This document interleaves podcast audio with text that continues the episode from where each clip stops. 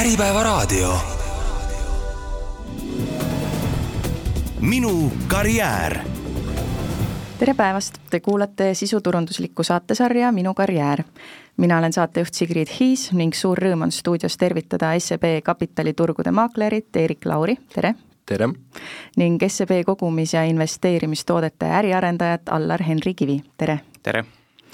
Tänases saates räägime Allari ja Eeriku karjääriteekonnast SEB-s, kuidas üldse tekkis huvi panganduse vastu ning kas kapitaliturgude maakleri töö on siis tõesti nagu legendaarses filmis Wolf of Wall Street.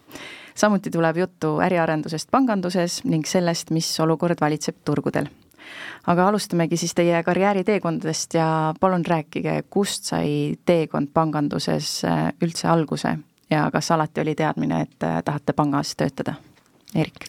ma võin siis jah, otsa lahti teha, et äh, minul sai see päris varakult alguse, et äh, nii-öelda lasteaiast saati olen ma kogumisega tegelenud ja mingiks hetkeks siis äh, seda vara kogunes juba piisavalt, et isa hakkas mõtlema, et võiks selle tähtelisele hoiusele panna või siis investeerima. kuna ma ise olin siis põhikoolieas, siis ma väga aru ei saanud, mis investeerimine tähendab. ma mäletan, vaatasin äh, Pfizeri aktsiat mis siis äh, oli kuskil viiekümne juures sellel ajal ja siis joonistasin neid hinnagraafikuid niimoodi, mõtlesin, ma siis investeerin. aga sealt edasi hakkasin lugema siis äh, investeerimisalast äh, kirjandust ja gümnaasiumivaliku tegin ka siis selle põhjal, et kus on majandussuund.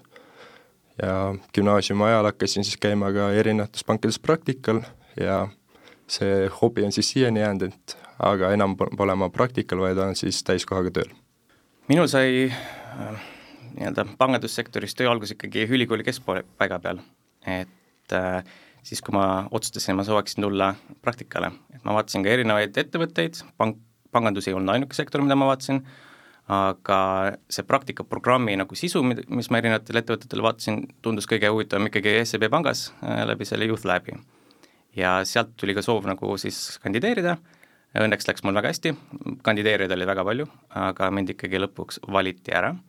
Ja sealt äh, hetkest olen ma ka põhimõtteliselt äh, pangas edasi olnud, et ei ole, äh, praktikaprogrammidest sai, sai alguse, tulin siis, läksin küll korra ülikooli tagasi, aga lõppude lõpuks tulin ikkagi samasse tiimi tagasi, nii et ei ole ma kuskilt mujalt, mujale läinud veel Teid mõlemaid ühendab see, et olete SEB-ga liitunud äh, Youth Labi kaudu. Äh, räägime natuke, mis see Youth Lab on äh, ja, ja kuidas üldse Labi kaudu praktikaprogrammiga liituda saab, et natuke ütlen taustaks veel raadiokuulajale, et hiljuti oli meil saade teie kolleegidega SEB-st, kes samuti rääkisid Youth Labist ja sealt sain teada, et see protsent tegelikult, kes nagu kandideerijatest praktikale saab, on väga väike. ja teie mõlemad sinna saite kuidas see teekond välja nägi ja mis see teie õnnestumise valem oli? et äh, mina võin alustada, kuidas siis äh, Youth Labi kandideerimine, mis annab nii-öelda eeliseid äh, kõikidele kandidaatidele, kes sooviksid osaleda selles programmis, et kuna mina olen ise ka olnud nende prak-, noorte praktikantide välja, väljavalija, siis annan, saan nagu mõlemapoolset sisendit anda. ja kõige tähtsam on ikkagi, et sa oleksid sina ise, et kui sa suudad meile näidata, et sa oled entusiastlik, tore on, oleks sinuga koostööd teha, siis tegelikult äh, see juba annab sulle väga tugeva baasi, mille põhjal neid otsuseid tehakse, kes siis lõppude lõpuks välja valitakse. et konkurents on väga tihe, tõesti, nagu mainitud, on meil hästi palju kandideerijaid ja kõik ei saa kahjuks, aga need, kes välja valitud on, näitavad, näitavad ikkagi kõige suuremat potentsiaali, on ka suure tõenäosusega väga toredad inimesed, kellega me tahaksime koostööd teha.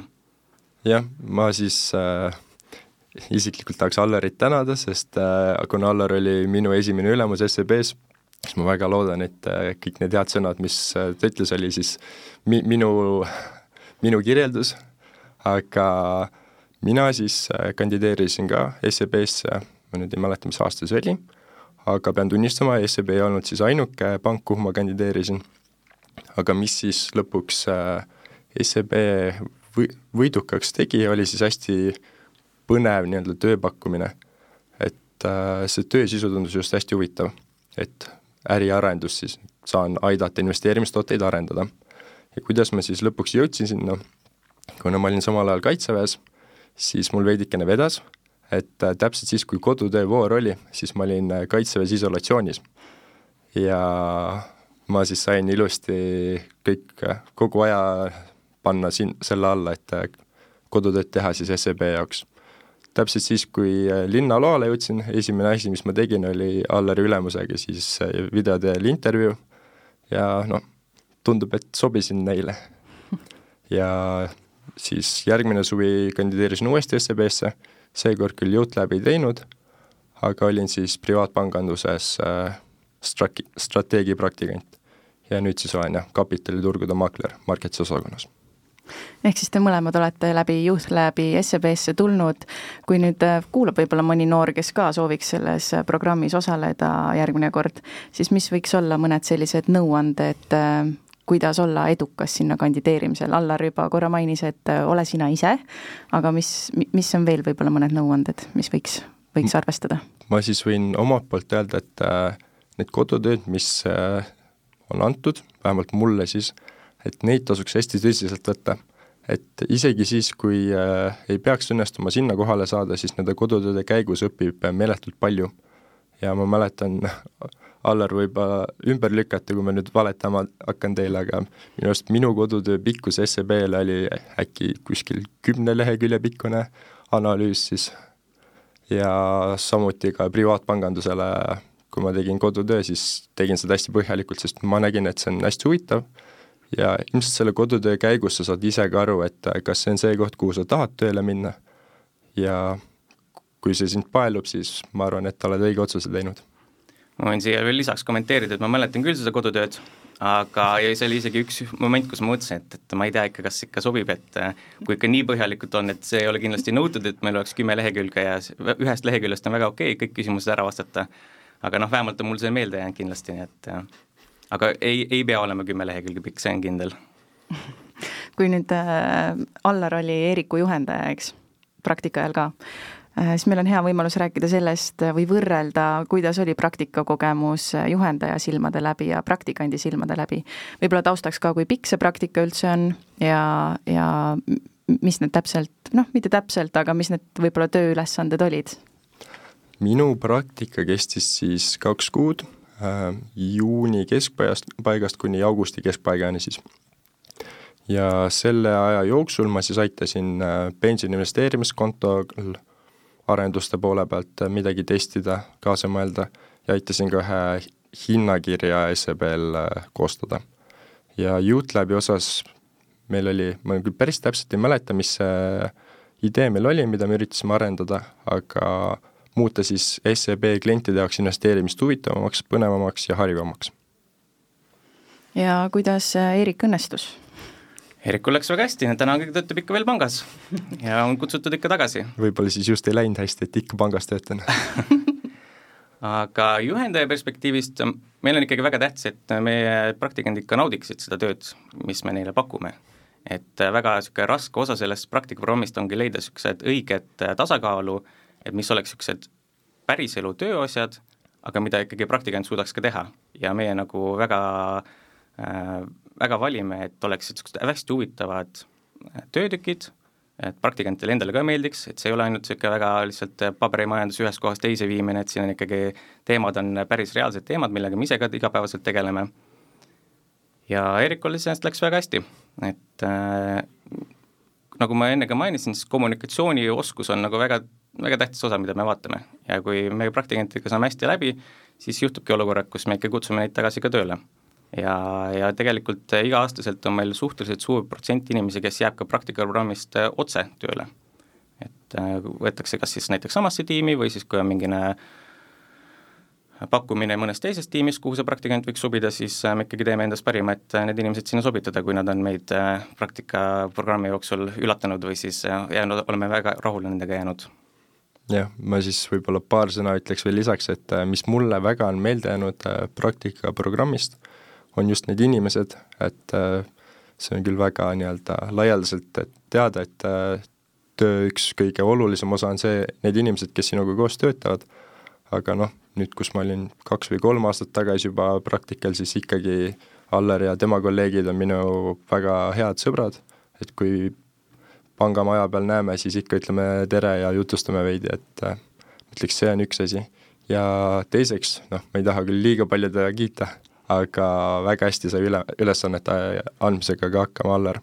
et olid hästi põnevad ja minu arust kõige huvitavam osa äriarenduse puhul oli just see, et päeva lõpuks sul on selline tunne, et sa tegid midagi ära, et äh, tänu sinu tööle ja vaevale, siis kellegi elu nüüd ilmselt on parem Allar, kas sa arvad, et äh, sul oli lihtsam olla ka juhendaja, kuna sa ise olid sama tee juba varem läbi käinud? kindlasti, et noh, ma sain anda sisendit ka enda poole pealt, et noh, kuidas minu praktikakogemus välja nägi, mis ma, mis meie eeldused seal on, et saab ka nii-öelda natuke ette valmistada oma nii-öelda praktikante, et äh, mis, millega sa pead kindlasti arvesse võtma, kui sa seal praktikal oled. et see annab eelise mm. -hmm. Aga nüüd jõuamegi täpsemalt teie praeguse tööni pangas Äh, mida te täpsemalt teete, Eerik, alustame sinust. mina olen siis niisuguse äh, huvitava nimega töötaja nagu kapitaliturgude maakler, mis siis tähendab seda, et ma spetsialiseerun äh, võlakirjade vahendamisele, aga tege-, tegelen ka aktsiate ostu ja müügiga siis. ja milline su igapäevane töö välja näeb? Ma ütleks äh, üsnagi põnev, sest minu töö laias laastus jaguneb kaheks. Üks on siis äh, klientide teenindamine noh, äh, live-keskkonnas, ehk siis kui klient helistab, ütleb, et äh, ma soovin nüüd mingit võlakirja osta või siis kontakteerub mõnel teisel moel. Ja siis ma teen tehingu ära ja panen siis ka selle nii-öelda talle teele, et ta lõppude lõpuks need võlakirjad saaks, sest noh, pole ju kasu teha tehingust, kui ta, kui ta ei saa neid. Ja teine on siis see nii-öelda äh, passiivsem pool kus ma siis äh, katsun äh, klientidele mingeid äh, nii-öelda huvitavamaid ülevaateid koostada Balti, Balti võlakirja ja üleüldse võlakirjaturust, et jagades seda teavet, et ja hoida muidugi ka ennast kursis, et kui klient helistab mulle, siis ma ikkagi teaks, millest ma räägin. Kas sinu põhilised kliendid on erakliendid või ärikliendid? kuna ma olen nii-öelda võlakirjamaakler, siis äh, mina eraklientidega ei tegele. et äh, meil on jah, siis äh, ma ei jul-, ei julge öelda, et kõik sada protsenti on äh, professionaalsed või siis asjatundlikud kliendid, aga peamiselt jah ja ei saa küsimata jätta, saate sissejuhatuses ma juba viitasin ka, et kas kui nüüd võib-olla raadiokuulaja kuulab, mõtleb sellele maaklerite toa peale ja kujutabki ette Hollywoodi hitti Wolf of Wall Street, kas siis äh, teie elu seal toas on samasugune ähm,? ma ütleks, mis meid ühendab, on kindlasti see, et äh, meile saab siis helistada, meil on äh, arvutiekraanid ees, aga jah, sellega enam-vähem ka asi piirdub, no töö on ka üsnagi sarnane, aga mis on siis kõvasti muutunud, on in-, investori kaitse. et kui me seda filmi nüüd äh, lähemalt analüüsiks, siis me teame, et seal oli hästi palju nii-öelda kuritegevust ja müüdi inimestele tooteid, mida nad ei teadnud siis, äh, kuidas kasutada või mis need on. et seda enam ei tohi teha ja seda me ka ei tee. et äh, me, meil on õigus müüa ainult selliseid tooteid oma klientidele, mille kohane asjakohasus neil ka olemas on. Allar, sina oled kogumis- ja investeerimistoodete äriarendaja, mida see tähendab? äriarendaja töö lühidalt öeldes ongi nii-öelda siis luua uusi tooteid ja ka neid hallata. et äh, üks asi, mis ma kindlasti tahaksin välja tuua, et äh, äriarendus kui osakonnana väga sarnaneb sellisele suurele tehnoloogiaettevõttele, et ta isegi ei ole, näe välja nii, nagu pank, kui arvatakse, et pank välja näeb, aga tegelikult see on hästi sarnane ka niisuguse startup'i maailmale. et see töö, mis me iseenesest teeme, on siis äh, andmete analüüs näiteks, kus me analüüsime, mis soovid klientidel on, kuidas me saaksime äh, klientide teekonda paremaks teha, meil on hästi palju projektide haldamist, mille käigus me siis arendame ka uusi projekte ja need projektid võivad olla ka paariaastased, võivad olla ka paarinädalased. et see on ikka laualt lauale, et milline see projekt välja näeb. kas, Allar, sinu töö on äh, ütlesid, et veidi startup-ilik, et kui äh, Eerik suhtleb klientidega, siis ma saan aru, et sina otse klientidega kokku ei puutu? mina jah, klientidega kokku ei puutu, et mina puutun kliendi tagasisidemega kokku. et äh, mis meile on öeldud, kas meie tooted on head, kas meie tooted võiksid kuidagi paraneda, mis mured klientidel on olnud, et sellega me puutume kokku ja me võtame seda alati arvesse ja selle alusel ka muudame kas siis tulevikutooteid, võtame neid äh, eelnevaid tagasisidemeid arvesse, või siis ka pare-, parandame olemasolevaid tooteid. et me iseenesest töötame niisuguses meetodis nagu agile meetod, mille põhimõte on luua või on lüüa siis suured projektid väikesteks etappideks. ja meie, meil see etapp näeb välja kahenädalase sprindina, kuidas me seda ise kutsume, ja sprindi eesmärk on siis kõik need väiksemad äh, arendused äh, välja arendada. ja see endas kujutab siis seda, et me saame ka klientidele tuua kiiremat äh, arenduselukonda ehk siis me ta-, arendame väiksemates juppides, mida me saame juba klientidele pakkuda.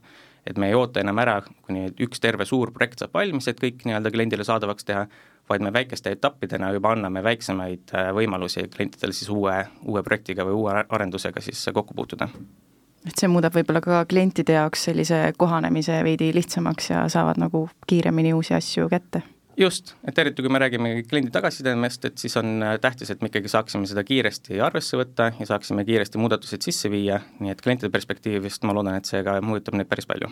millised on panganduse nii-öelda tulevikutooted, mille arendamine praegu käib? Kuna mina olen investeerimisvaldkonnas, siis ma saan jagada ainult nii-öelda, osk-, oskaksin kõige paremini jagada investeerimise poole pealt. Ja seal on meil tegelikult üks suur põhimõte, et kuidas saada tavainimesi äh, investeerima, et see ei ole küll nüüd selles, ja see on nagu sellest perspektiivist, et et panga eesmärk on ka teha piisavalt lihtsaks ja mugavaks selle esimese sammu tegemine, mille kaudu tavainimene saaks hakata investeerima. Selleks oleks, me oleme hiljuti teinud näiteks roboinvestori, kus saab juba alates ühest eurost investeerida, aga ka kõikide muude arendustega, mis meil on praegu käsil ja mis meil tulevikudes plaanides on, on ikkagi tsentraalne eh, kiht on ikkagi, et me saaksime pakkuda lihtsat teenust, me saaksime täiendada kliendi teadmisi investeerimise valdkonnast ja me sooviksime pakkuda midagi, mida see klient, kliente päriselt huvitab ja kõnetab. Ähm juba mainisid roboinvestorit ka, see on üks selline uuem asi, ma saan aru, mis on, millega SEB on välja tulnud, alates ühest eurost saab juba investeerida, mis see täpsemalt on, kuidas roboinvestor töötab? et roboinvestori eeliseks on ka lihtsus, mida me ka äriarenduses saavutada tahame, et selleks, et alustada roboinvestoriga investeerimist, on sul vaja täita küsimustikud, kus on küsitud nii-öelda sinu äh, eelnevate teadmiste kohta, sinu riskitaluvuse kohta, sellepärast et noh, alati peab ikkagi meeles pidama, et investeerimisega võib ka kaotada. et see ei ole kunagi kindel, et äh, sul ainult aktsiad lähevad üles, vaid tegelikult on ka väga suur reaalne risk, et äh, sinu varade väärtus kahaneb, nii et seda peab alati investeerimisega silmas pidama. ja pärast küsimustikule vastamist on sul lihtsalt vaja soo-, panna märkida ära, et äh, kui palju sooviksid igakuiselt investeerida ja sellest summast nii-öelda igakuiselt siis hakkabki sul minema automaatselt tehingud, et enam, kui sa oled algselt välja valinud, kui suurte summadega sa soovid investeerida, siis rohkem samme sa tegelikult seal tegema ei peagi, vaid kõik tehakse sinu eest. ja ma võin siis äh, veidi kommenteerida, kuidas roboinvestor, äh, kuidas roboinvestoris see investeerimisprotsess töötab ja miks see siis on nii-öelda nii geniaalne just et äh, kui me mõtleme konteksti peale, et äh, mina sooviksin investeerida näiteks viiskümmend eurot äh, kuus ja ma tahaks osta viit erinevat ETF-i, mis on siis nii-öelda börsil kaubeldavat fondi, siis kui ma ostaks neid äh, eraldi, siis iga tehing oleks kuskil noh, kümme eurot ja tehingutasu oleks, ma ütleks, keskeltläbi üheksa eurot vist. ehk siis noh, minu tehingu summa oleks sama suur kui minu tehingutasud, et see ei ole, see ei mängi ju välja. aga miks see on siis geniaalne, on siis sellepärast, et kui minul on niisugune soov, Allaril on niisugune soov ja meie kahesajal sõbral veel on näiteks niisugune soov, ja meil on sama riskitaluvus, sama soov osta samu fonde, siis meie nii-öelda soovid liidetakse kokku ja tehakse ära ühe tehinguna ja pärast kantakse siis meie portfellide peale laiali.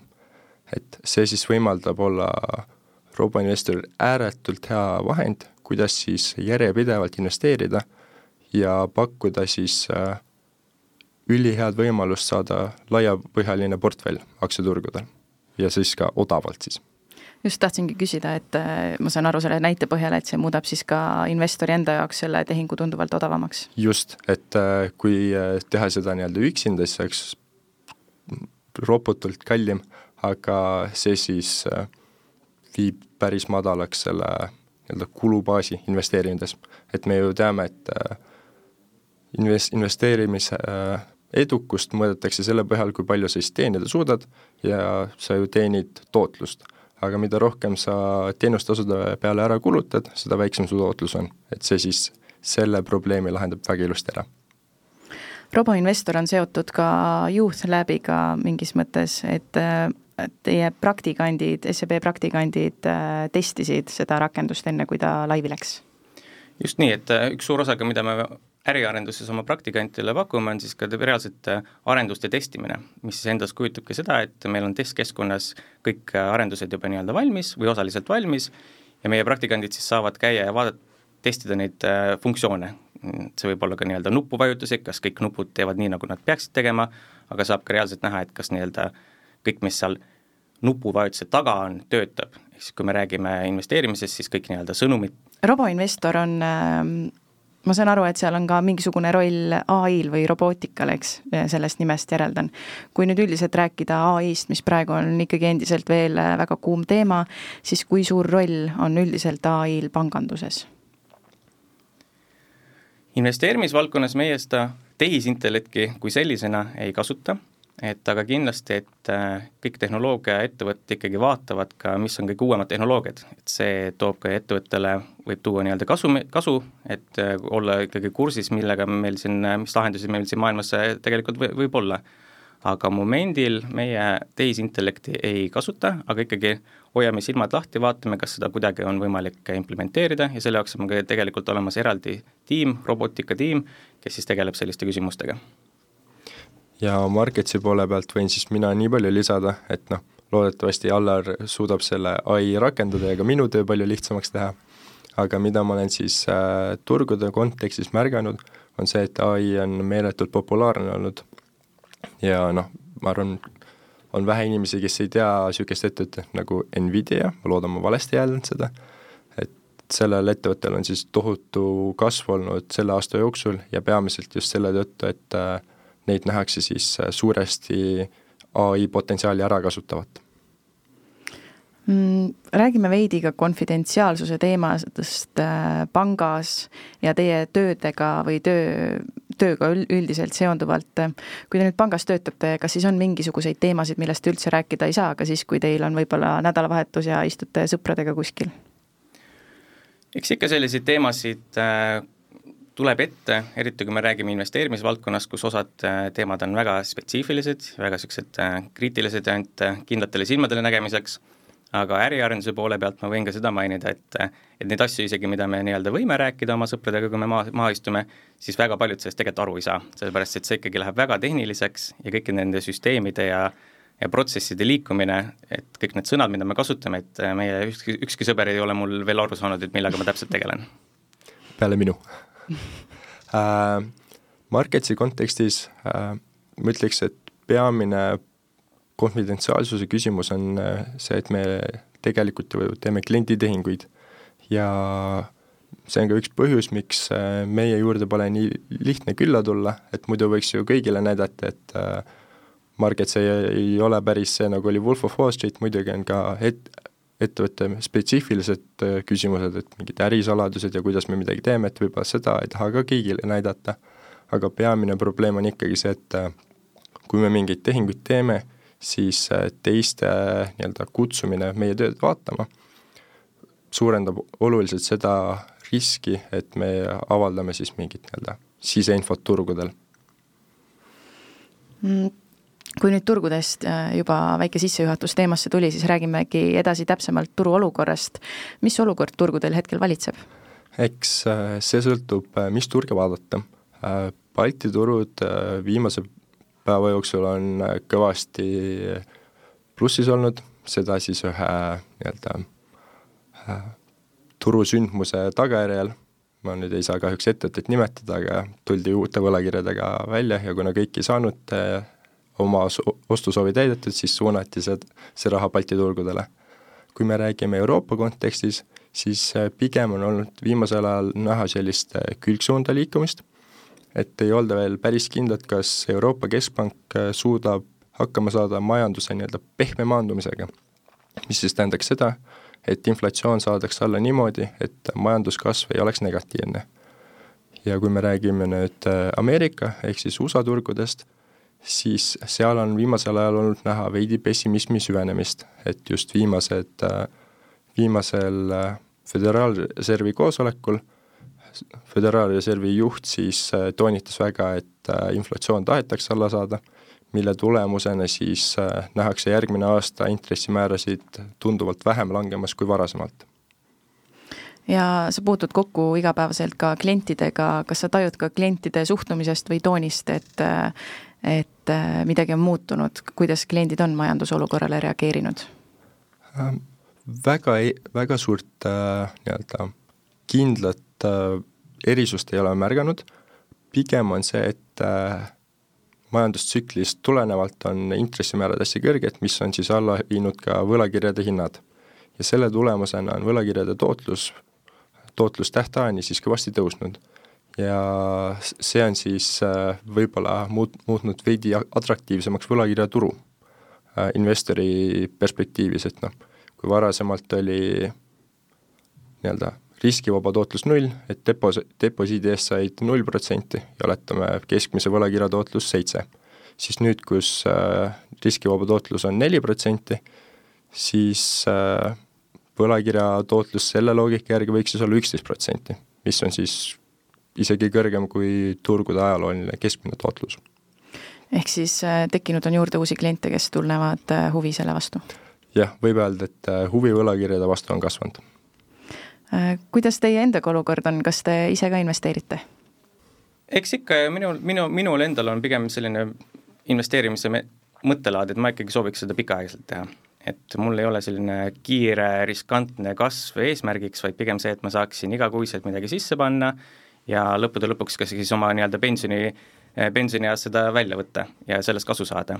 nii et mina isiklikult justkui, kuna selle tõttu, kuna see toode mulle sobib, siis mina investeerin läbi roboinvestori, aga teistesse ettevõttesse või aktsiatesse ma momendil ei investeeri ähm, mina olen investeerimise, investeerimisega tegelenud täpselt sellest aastast, kui ma kaheksateist sain sest äh, varasemalt äh, legaalselt mul lihtsalt ei ole Eesti riigis olnud võimalust investeerida ja mina olen oma portfelli laias laastus jaotanud kaheks.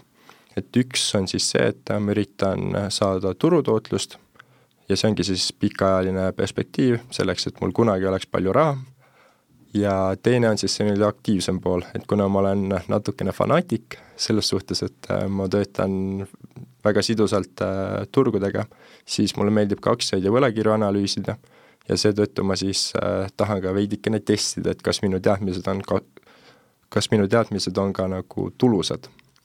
aga jah äh,, Allar juba roboinvestorit mainis, et äh, ka ise olen selle kasutaja, et äh, roboinvestoriga ma siis rakendangi seda järjepidevat investeerimist, järjepidevat ja odavat investeerimist, et siis saada osa turutootlusest ja koostada endale nii-öelda portfell, kus on palju aktsiaturu peegeldamist saate aeg hakkab varsti vaikselt lõpuni jõudma, mm, räägime veidi veel äh, praktikast, kuna te mõlemad tegelikult olete ju ka praktika esmajoones SEB-sse sisenedes läbinud. kui nüüd siia saate lõppu anda võib-olla mõni nõuanne või selline mõte kuulajale kaasa, siis äh, mis see võiks olla äh, näiteks järgmisel suvel alustavale praktikandile ja veel küsin lisaks, et äh, kas kui nüüd keegi kuulab ja tal alles praegu tekib huvi SEB-le, SEB-sse praktikale minna, siis kas ta saab valida, kui tal näiteks tunneb huvi erinevate valdkondade vastu, kas ta saab ka valida erinevaid valdkondi, kus praktikaid teha või on võimalik niimoodi sisse erinevatest ustest piiluda ka praktika käigus? praktikale kandideerides on tegelikult võimalik valida äh, kandidaatidele, et mis osakondades nad üldse soovivad äh, osaleda ja mis neile endale huvi pakub. nii et tegelikult on vali-, võimalik valida ka juba alguses, et millistesse osakondadesse soovid minna, aga praktika käigu ajal on võimalik varjutada näiteks erinevaid osakondasid, et kui on mingi kindel spetsiifiline huvi näiteks äriarenduse vastu või mõne muu osakonna vastu, siis äh, kokkuleppel on ikkagi alati võimalik ka praktikandid teistest tiimidest meie juurde varjutama tuua ja näidata, et mis neile, mis me, millega me siis igapäevaselt tegeleme.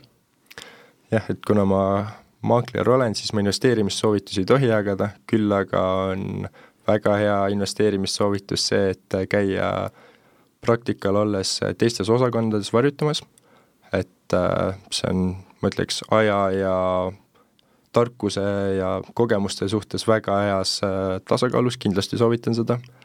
Ja ma enda näitel võin siis tuua, et ma töötasin äriarenduses ja selle aja jooksul käisin ma siis äh, privaatpanganduses äh, varjutamas kui ka Marketsis. järgmine suvi töötasin privaatpanganduses ja praegu töötan Marketsis. et äh, kui mingi huvi on, siis kindlasti soovitan, sellepärast et kuigi pank on üks, üks suur ettevõte, siis tegelikult tegeletakse väga mitme erineva nii-öelda valdkonnaga, et sul on laenud, sul on investeerimine, sul on äriarendus, et seda kõike on väga huvitav näha, ma usun ja võib-olla kõige viimase küsimusena, et kui paljudel inimestel tuleb silme ette pangast rääkides selline äh, kuiv ja, ja võib-olla nagu äh, vana või iganenud struktuur, siis äh, kas Elupangas ongi selline natukene võib-olla kandiline mingis mõttes või on iga päev sellist nagu mõnusat liikumist ja uudsust? siinkohal ma võin isegi jagada oma esimest päeva, kui ma praktikandina ühinesin, et äh, kodus olles ma ikkagi väga väga pikalt mõtlesin selle üle, et kas ma ikkagi pean lipsu ja ülikonna selga panema, sest tegelikult keegi ei öelnud mulle, et mis see riietuskood on. ja otsustasin ikkagi, et ma täitsa ülikonda ei pane, aga lipsu panen küll. ja kui ma jõudsin esimesel tunnil jõudsin pangas juba väikse tiiru teha ja siis ma sain aru, et ma olen tegelikult ainuke inimene, kes seda lipsu seal kannab. nii et äh, ei ole nii kandiline, kui võib-olla filmid või siis äh, äh on mulje jätnud, et tegelikult on seal väga niisugune äh, väga hea meeleolu, inimesed ei ole sellised kiired, ikkagi vastavad sinu küsimustele, kõik on väga toredad. Ja ei ütleks küll, et oleks sellist muljet jäänud nagu niisugune väga kandiline koht ja ja praegult on meil ka avatud kontorid, nii et niisugust suhtlemist on ikkagi päris palju. jah, ma siis lühidalt võin omalt poolt kommenteerida, et minu teada meil pangas on, praegu meil tuleb ainult üks inimene ette, kes lipsu kannab, ta just valiti meil ka uuele positsioonile ning äh, kui minu mälu ei peta, siis meil kümnendal korrusel on ka võrkkiiged. ehk siis äh, ei ole ainult kuiv igav koht, kus kõik inimesed lipsuga tööl käivad.